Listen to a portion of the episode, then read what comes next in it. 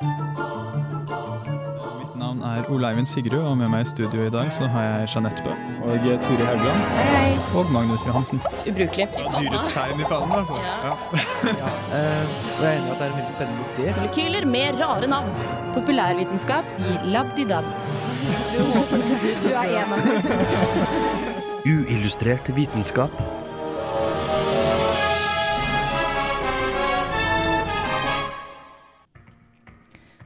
Februar, altså nå på søndag, er det Valentine's Day, eller Alle hjerters dag, som det heter på halvgodt norsk. Og som mange nordmenn er dette noe du driter i. Men pga. promotering fra næringslivet og Posten har denne tradisjonen blitt mer og mer populær.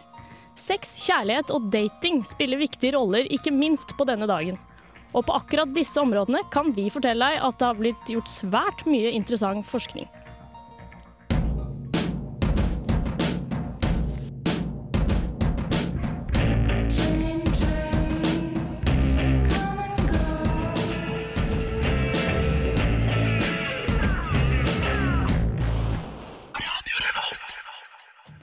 Det du hørte akkurat der, var Charlotte Gains Gainsburg med Trick Pony. Og det du hører på akkurat nå, er eh, selvfølgelig uillustrert vitenskap på Radio Volt. FM 100 eller FM 106,2 om du vil.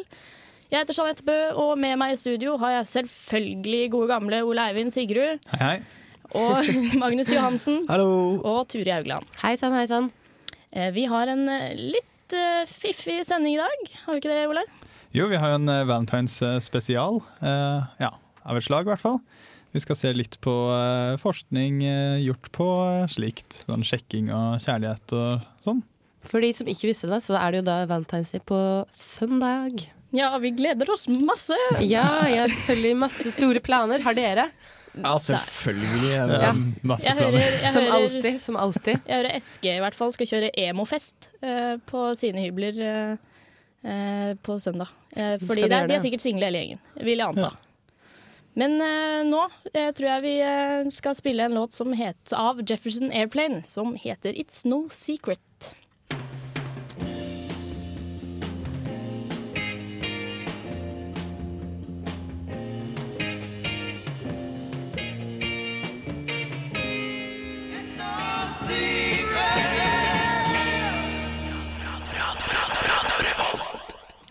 Ja, du hører fremdeles på Uillustrert vitenskaps eh, valentinspesial. Ja, vi skal være med dere den neste timen nå. Dere skal få vite masse interessante myter om Valentine's Day, og om selve Valentine, selvfølgelig. Som vi ja, har kanskje tenkt å knuse litt. Har du noe fast du pleier å gjøre på Valentine's Day, Turi? Nei, jeg pleier å la den gå forbi i stillhet, egentlig. Jeg merker som regel ikke at den er. Noen må minne meg på det. Ja, meg òg. Til Men det er jo alltid en haug med folk som minner alle på det. Det står Ja, overalt det? og i butikkvinduer og sånne ting. Men det er så ufattelig irriterende. Folk bare Ja, det er Valentine's Day uh, på snart. Så er det sånn Ja vel? Ja. Hva- ja, ja, ikke fortell meg det. Men nå er det faktisk morsdag og eh, fastelavn på samme dag som søndag, så det er noe for alle. Ja, men da har vi planer, da. Kan vi spise boller med krem? I know, det blir trøstespising. Ja, det er fint. Gidder Ja. du å lage det, Ole Eivind? Ja, det kan jeg lage. Ja. Det, det er kjempebra. Eh, jeg kan jo fortelle litt om Valentine, eller det er kanskje egentlig ikke så mye å fortelle. Myten bak denne mannen, eller disse forskjellige mennene, er ganske usikkert. Eh, veldig mange rare kilder og historier som ligger bak denne mannen, Valentine. Eh, noe som er sikkert, da, er at eh, Valentine han eh, var romersk, og han var kristen. Um, Det går rykter om at han var prest. Det går også Oi. rykter om at han var biskop. Og det går rykter om, om at han var eh, lege, lege. Og eh, alle de overnevnte i tillegg. Samtidig. Og hvorfor er det så mange så forskjellige historier som eh, er jo litt sånn motstridende? Nei, det er jo veldig mye sånn, Jeg syns det var veldig mye sånn romantiske historier om martyrer. Sånn kristne historier som står skrevet det, da.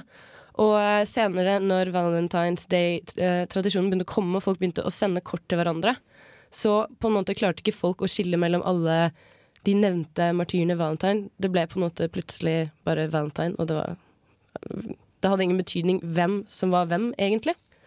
Eh, men vi vet jo egentlig ikke om noen av disse mytene heller er sanne. Men eh, i hvert fall Uh, I 2006 hadde en av uh, Radio Revolt sine medarbeidere noen ulike teorier om hvem Valentine egentlig var. Så kan ikke vi bare høre på det? Yeah. Yes. Like a moth to a flame burned by the fire. My love is blind, can't you see my desire? That's the way love goes. Den hellige Valentin av Roma er en ganske uklar skikkelse, men står oppført i Martyrilogium Romanum med minnedag 14. februar. De aller fleste tror Valentin var en prest som forsvarte og døde for kjærligheten. Den åpenbart konstruerte legenden går ut på at keiser Claudius hadde lagt ned forbud mot at soldater skulle gifte seg, for bedre kampmoral. Men Valentin utførte ekteskapsseremonier i all hemmelighet. Han ble da kasta i fengsel, og ble selvfølgelig forelska i fangevokterens datter. På den dagen han skulle henrettes, 14.2, etterlot han et brev til hun som var undertegna 'Din Valentin'.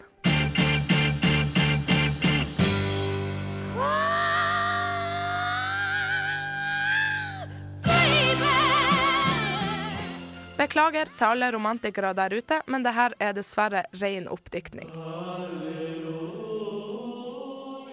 Den katolske kirke mener de har den ekte historien. Valentin var prest, men også lege, og hans tru falt ikke i god jord hos keiser Claudius, som var hedning. Hvorfor støtter du den nytteløse kirka, du som er så forstandig? Jeg vil være din venn, men da må du vende deg til Roma sine gamle guder. Valentin svarte Dette ville du ikke ha forlangt, dersom du hadde visst noe om Guds herligdom, og at Kristus i sanning er Guds sønn. Da Valentin ble spurt hva han mente om Romas gamle guder, svarte han uten frykt. De er demoner. Alle hedningene ble svært opprørt, og Valentin ble ført til dommer Asterius.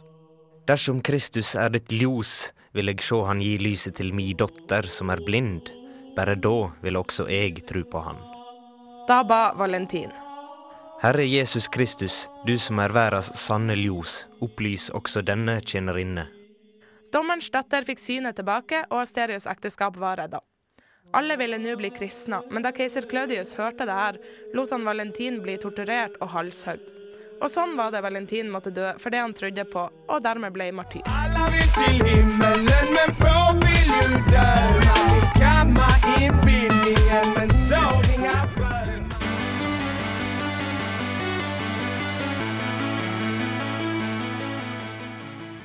I virkeligheten var Valentin en lege som helbreda epileptiske barn, og er derfor ofte avbilda med et epileptisk barn ved fotene.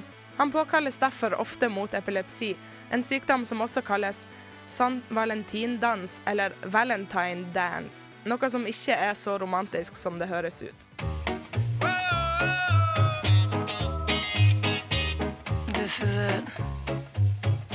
De av dere som trodde valentindagen er funnet på av kommersielle årsaker, må jeg dessverre også skuffe. Allerede i 495 bestemte pave Gelasius at valentin skulle feires høytidelig, og tok, som så mange andre kristne høytider, utgangspunkt i en hedensk festival. Denne gangen ulvefestivalen, som ble feira 15.2 for guden Faunus lupercus, eller fruktbarhetsgudinna Februata juno, med tøylesløse, støyende skikker forbundet med fruktbarhet og nytt liv. Unge menn fikk utvalgt kvinner gjennom et lotteri, noe som fremdeles er skikka i forskjellige europeiske land og i USA, om enn med mindre seksuell og mer romantisk karakter. I 1537 erklærte kong Henrik den 8. at 14. februar skulle være hjertets trolovede dag, og ikke før i 1840 ble valentinkortene kommersialisert i USA. Resten er som man sier historie, og i dag er valentindagen en dag som de forelska omfavner og de single forbanna.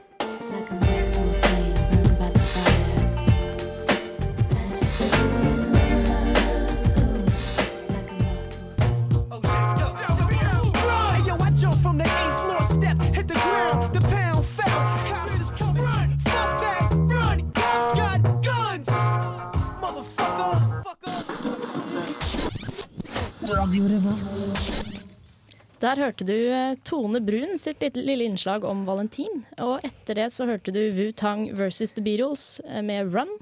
Yes. Trodde du på myten, eller? Eh, ja. De var jo kjemperomantiske. Det var veldig romantisk. Men eh, det. du Turi drev og fortalte oss om at uh, ja, det finnes jo enda flere og enda rarere myter om eh, valentin. Ja, det er helt sånn syke ting. Fordi jeg tror folk har prøvd å romantisere en egentlig i bunn og grunn uromantisk uh, historie. Eller fortellinger. Fordi uh, de driver og snakker om datteren til denne fangevokteren til eh, Valentin, som da skal hete Julie. Og eh, de pleier å si ja, han har helbredet henne eller noe, men det er, nå er det sånn nei, nei. eh, det var elskeren eh, til Valentin, da.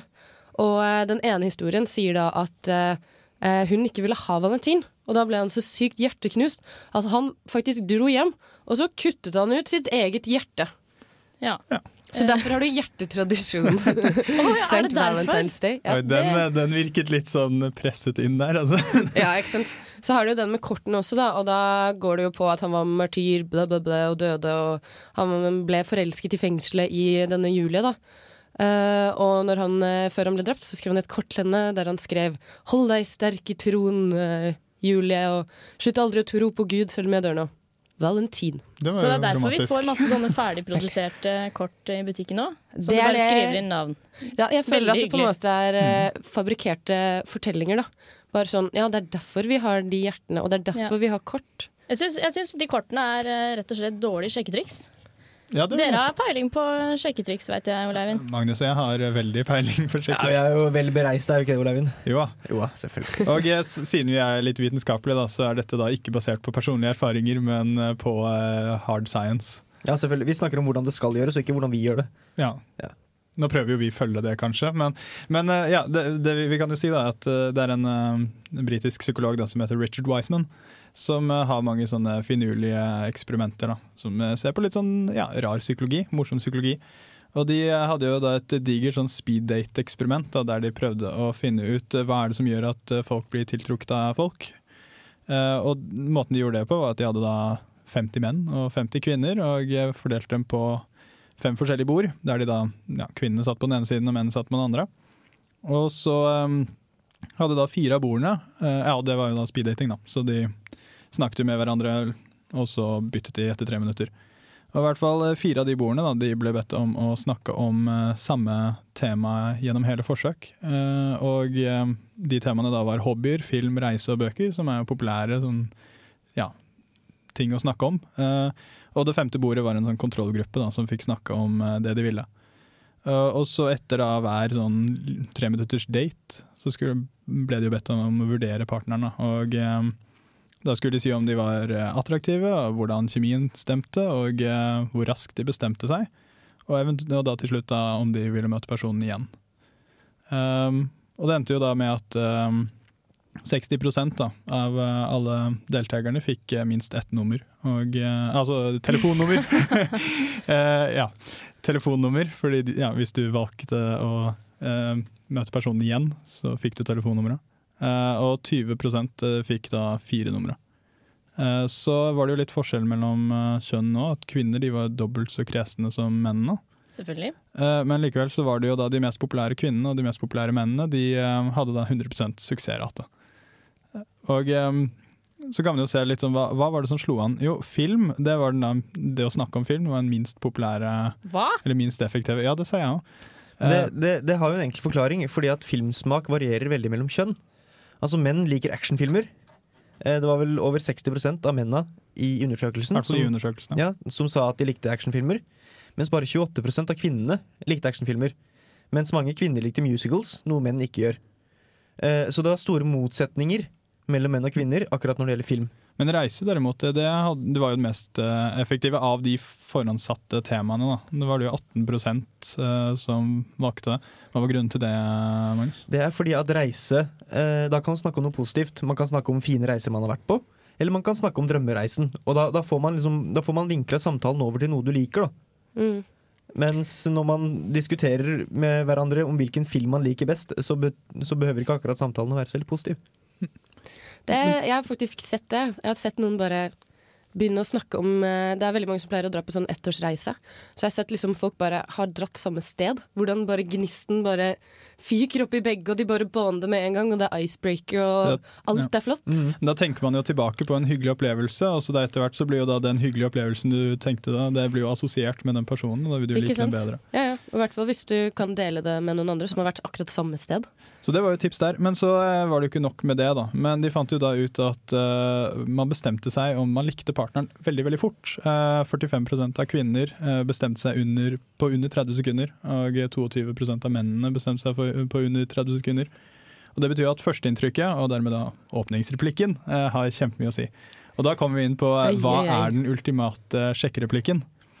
Det er i hvert fall ikke Nei, det fins ikke sjekkereplikker som fungerer. Nei, det, det, Det er min fant, teori. det de fant ut, var vel først og fremst det at de sjekkereplikkene, sjekkereplikkene som involverer sex, ikke, er, fun ikke funker særlig bra. Nei. Du må komme på noe, noe litt vittig, noe litt morsomt, uventa.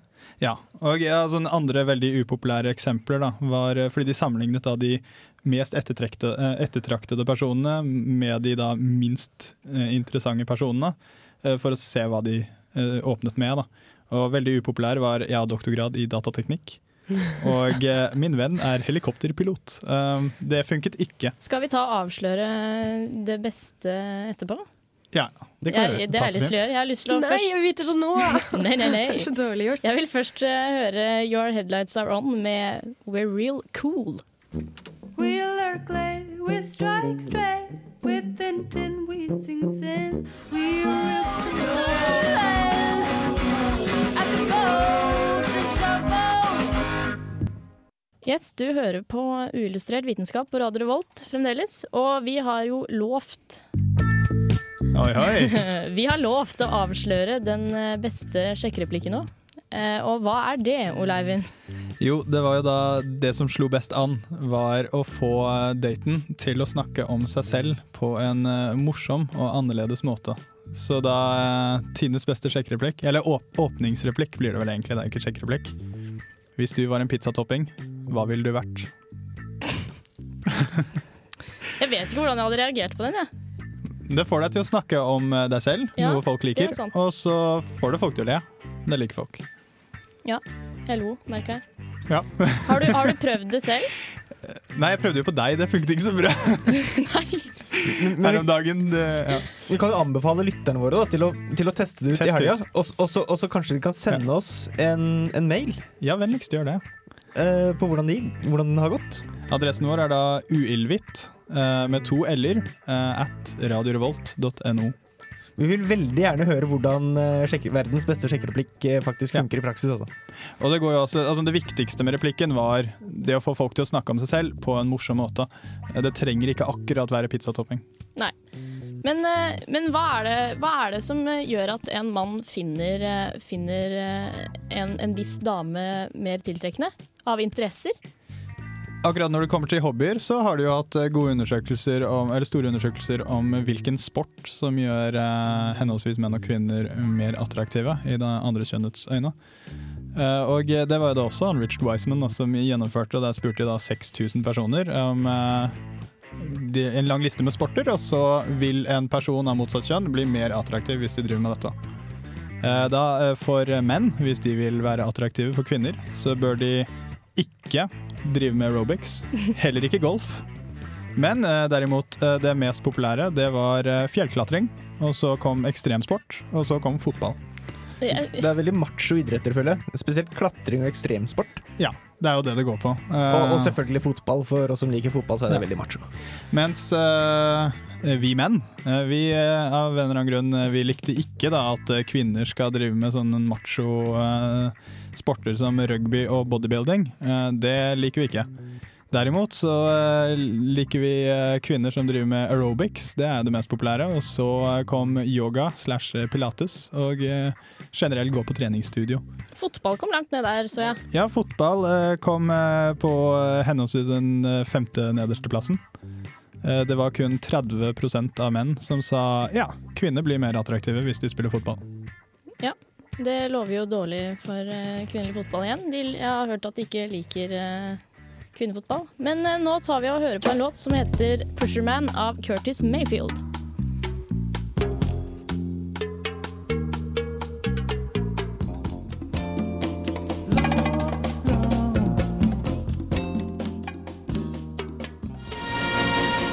Uillustrert vitenskap presenterer Forskningsnytt.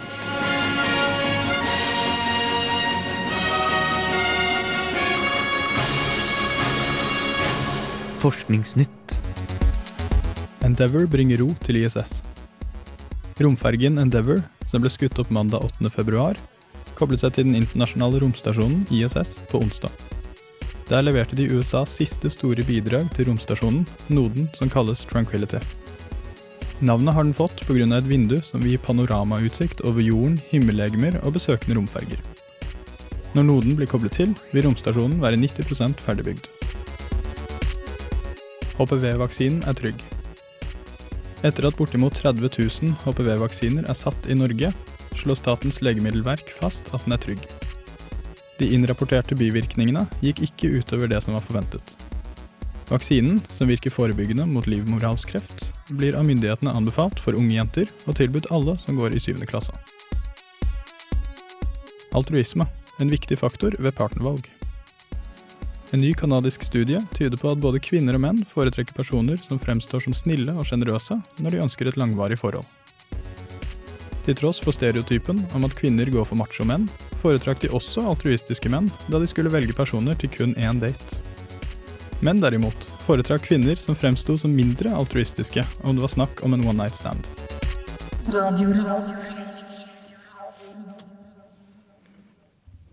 Det var eh, Forskningsnytt.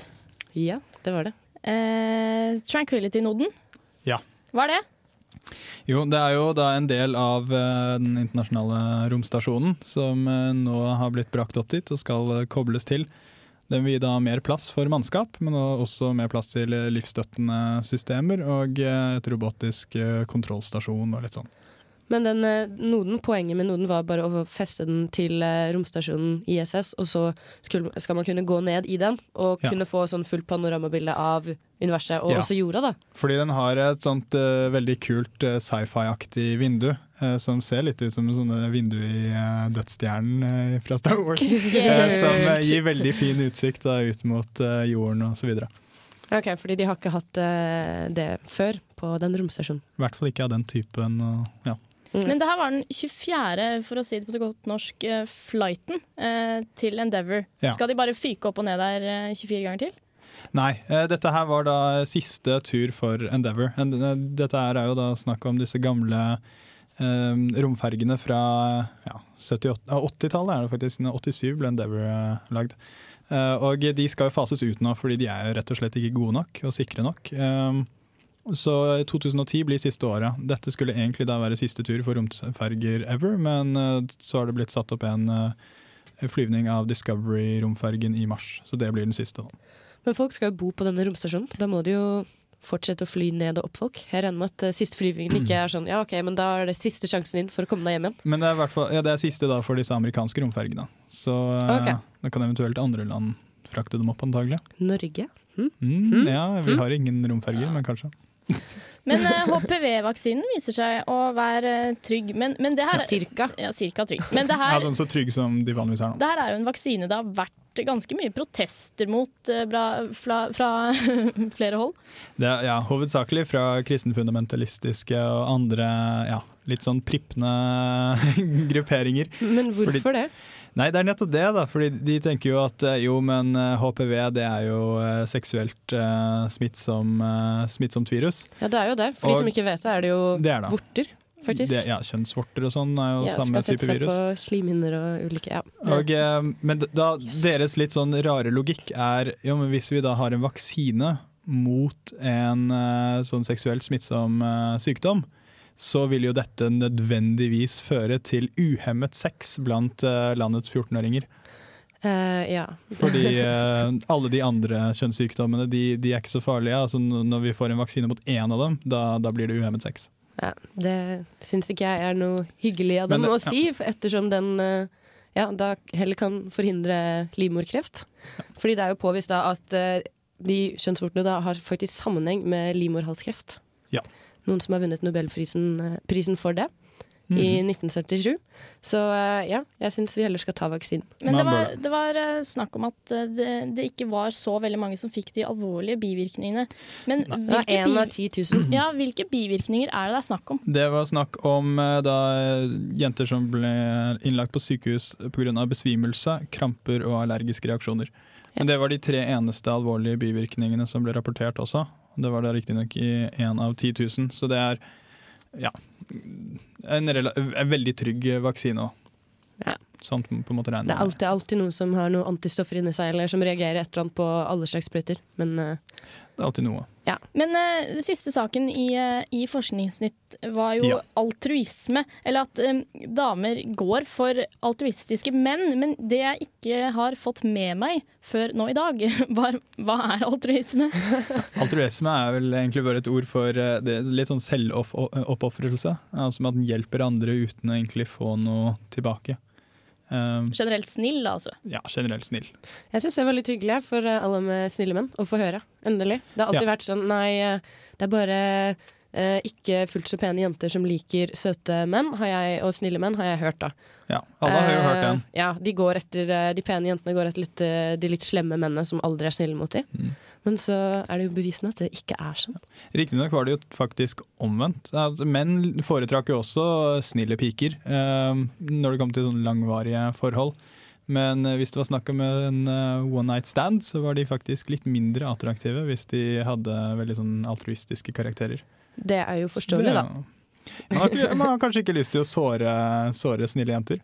Nei, ikke Kanskje sant. derfor. De er ikke helt eh, ideelle one night stand-partnere, fordi de blir jo bare Å, men kan ikke vi kose litt dagen på? Mens mennene bare Nei, hallo, kom deg hjem, da. Ja. Har ikke lyst til å være kjipe mot snille folk. Det er Nei, alltid, du har jo ikke alltid det. like Det- hyggelig. Det er jo bare bra. alltid like koselig når du blir liggende og tviholde til mannen du har våknet hos. 'Nei, jeg vil ikke gå!' Forferdelig situasjon det der. Ja. Men eh, la oss eh, heller høre på eh, Isakaya Heartbeat med 'Skull and Bones'. Populærvitenskap i Labdidab.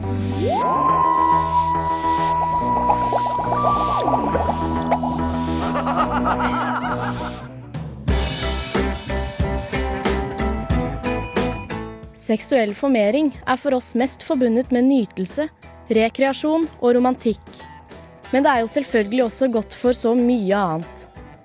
Ifølge det amerikanske tidsskriftet Journal of Sexual Medicine gir jevnlig sex deg lengre liv, sunnere hjerte, lavere blodtrykk, mindre smerter og en slankere kropp. Men seksuell formering er også et veldig godt verktøy for å forfriske genutvalget. Forskernes teorier er at nye genkombinasjoner gjennom seksuell reproduksjon kvitter seg med iherdige parasitter og bakterier. Derfor har hjuldyret Belloid rotifer gitt forskere hodebry.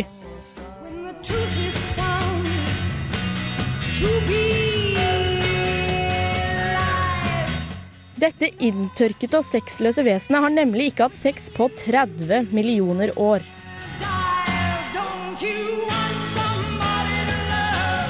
Belloid rotifer er enkjønnet og kloner seg selv, og allikevel dør den ikke ut av sykdommer. Nå tror forskerne at de har løst gåten.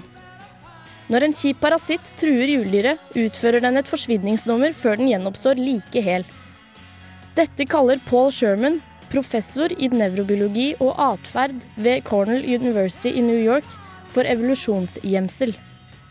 Etter å ha blitt angrepet av en parasitt, tørker Beloid rotifer seg helt inn for å ta livet av parasitten, for deretter å flykte med vinden til parasittfrie leveområder.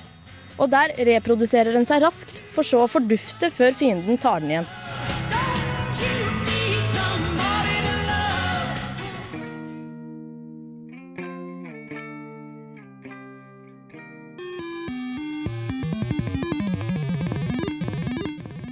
Du hører på Radio Revolt, studentradioen i Trondheim.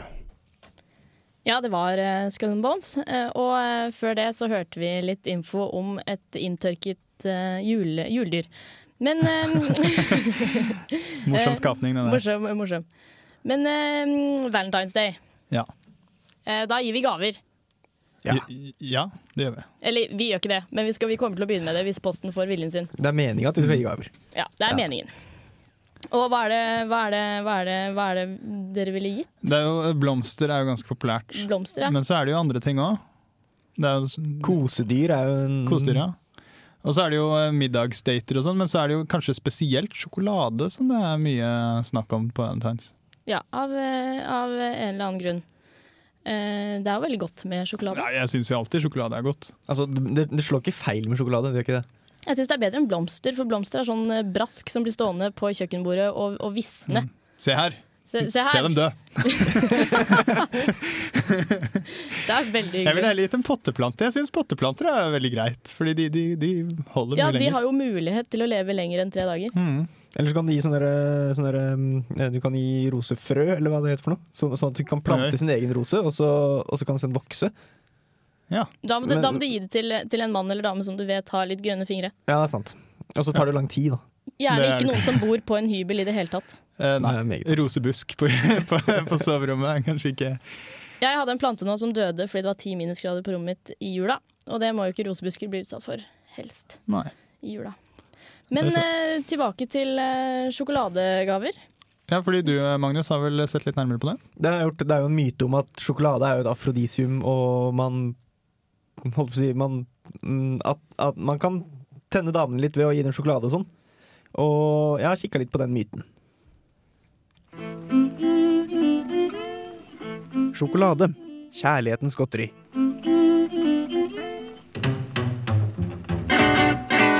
Det er ikke noe godteri som er mer romantisk enn nettopp sjokolade. Og på Valentine's Day har også sjokoladen sin helt egen plass. Men hvorfor er egentlig sjokolade så viktig på Valentine's Day? Det er dette jeg skal fortelle deg om nå. For i tillegg til å smake eksepsjonelt godt, finnes det også en teori som skulle tilsi at man alltid skal gi valentinsdaten sjokolade i gave. Sjokoladen kan nemlig være direkte avgjørende for hvordan dama oppfatter deg. Dette skyldes at sjokolade inneholder et amfetaminlignende stoff som heter fenyletylamin, som er det samme stoffet som kroppen produserer når man er forelska. Teorien er da at man ved å spise sjokolade kan skape en falsk forelskelsesfølelse. Så ved å gi dama sjokolade i starten av daten, vil fetyletylaminverdien i kroppen hennes stige. Og siden dette skjer samtidig som hun blir bedre kjent med deg, vil hun få et inntrykk av at det er du som fører til denne forelskelsesfølelsen. Da denne teorien ble presentert på starten av 1980-tallet, fikk den umiddelbart stor oppslutning, med oppslag i bl.a. New York Times og Newsweek. Dette bekrefta tross alt en teori som stamma helt tilbake til astekerne, som sa at sjokolade var et afrodisium med innvirkning på sexlysten. Historien vokste raskt, og stadfesta på mange måter sjokoladens stilling som afrodisium. Problemet var bare at teorien ikke var så veldig god.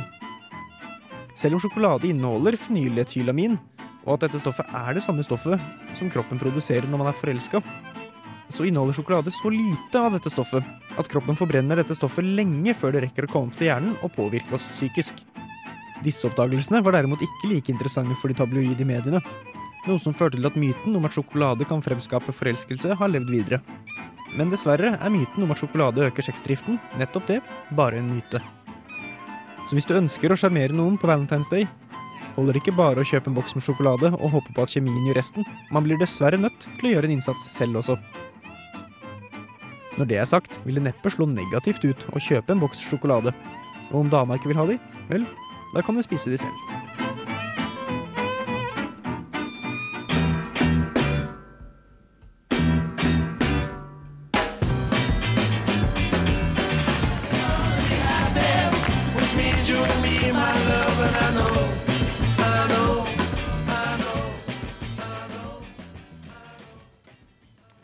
På Uillustrert vitenskap fremdeles eh, på Radio Volt, og der fikk du høre The Kinks med 'Everybody's Gonna Be Happy', som du også kanskje har hørt av eh, Queens of Stone Age.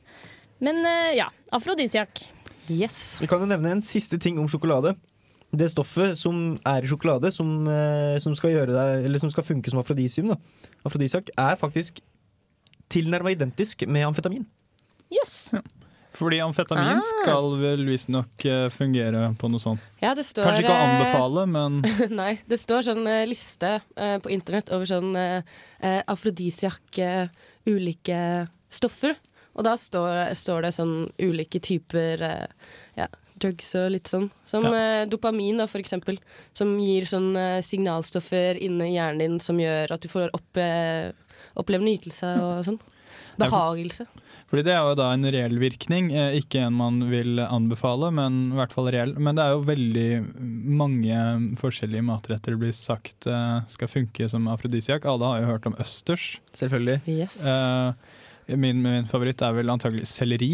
Det, Ja. det er mat å bli kåt av. Det, er- det, det er den minst erotiske grønnsaken jeg kan tenke meg. Ja. Eh, kanskje, en, kanskje enda litt mindre eh, erotisk. Eh, de gamle egypterne de syns salat, det, det var hett. Salat. Salat, ja. Det var hett. Men ok, hva med rødvin? For jeg føler alltid jeg blir litt romantisk Ja, av det- rødvin. det må jeg si meg enig i. Og litt sånn. Ja. Er det kanskje noe afrodisiak i der? Eller Jeg er det det kan være alkoholen. Jeg tror er tror det er, al- jeg tror det er alkoholen, og så sipper tipper jeg det er stemningen rundt det. Og de røde leppene. Ja, de røde leppene er bra. Kanskje det er Eller de blå leppene, det er kanskje ikke fullt Alt ettersom. Men du blir ikke like slapp hvis du drikker øl eller sprit eller sånne ting? Nei, ikke sprit i hvert fall, vet jeg. Nei. Men uh, vi eh, begynner å gå litt uh, tom for tid, som vi hører. Uh, så jeg vil takke, takke for oss. Takk til Ole Eivind og Magnus og Turi. Turi har vært tekniker. Husk Yes. å laste ned podkasten vår på radiovolt.no eller iTunes. Skriv anmeldelse og Skriv anmeldelse. den. Eh, så takk for oss. Ha det bra! Ha det.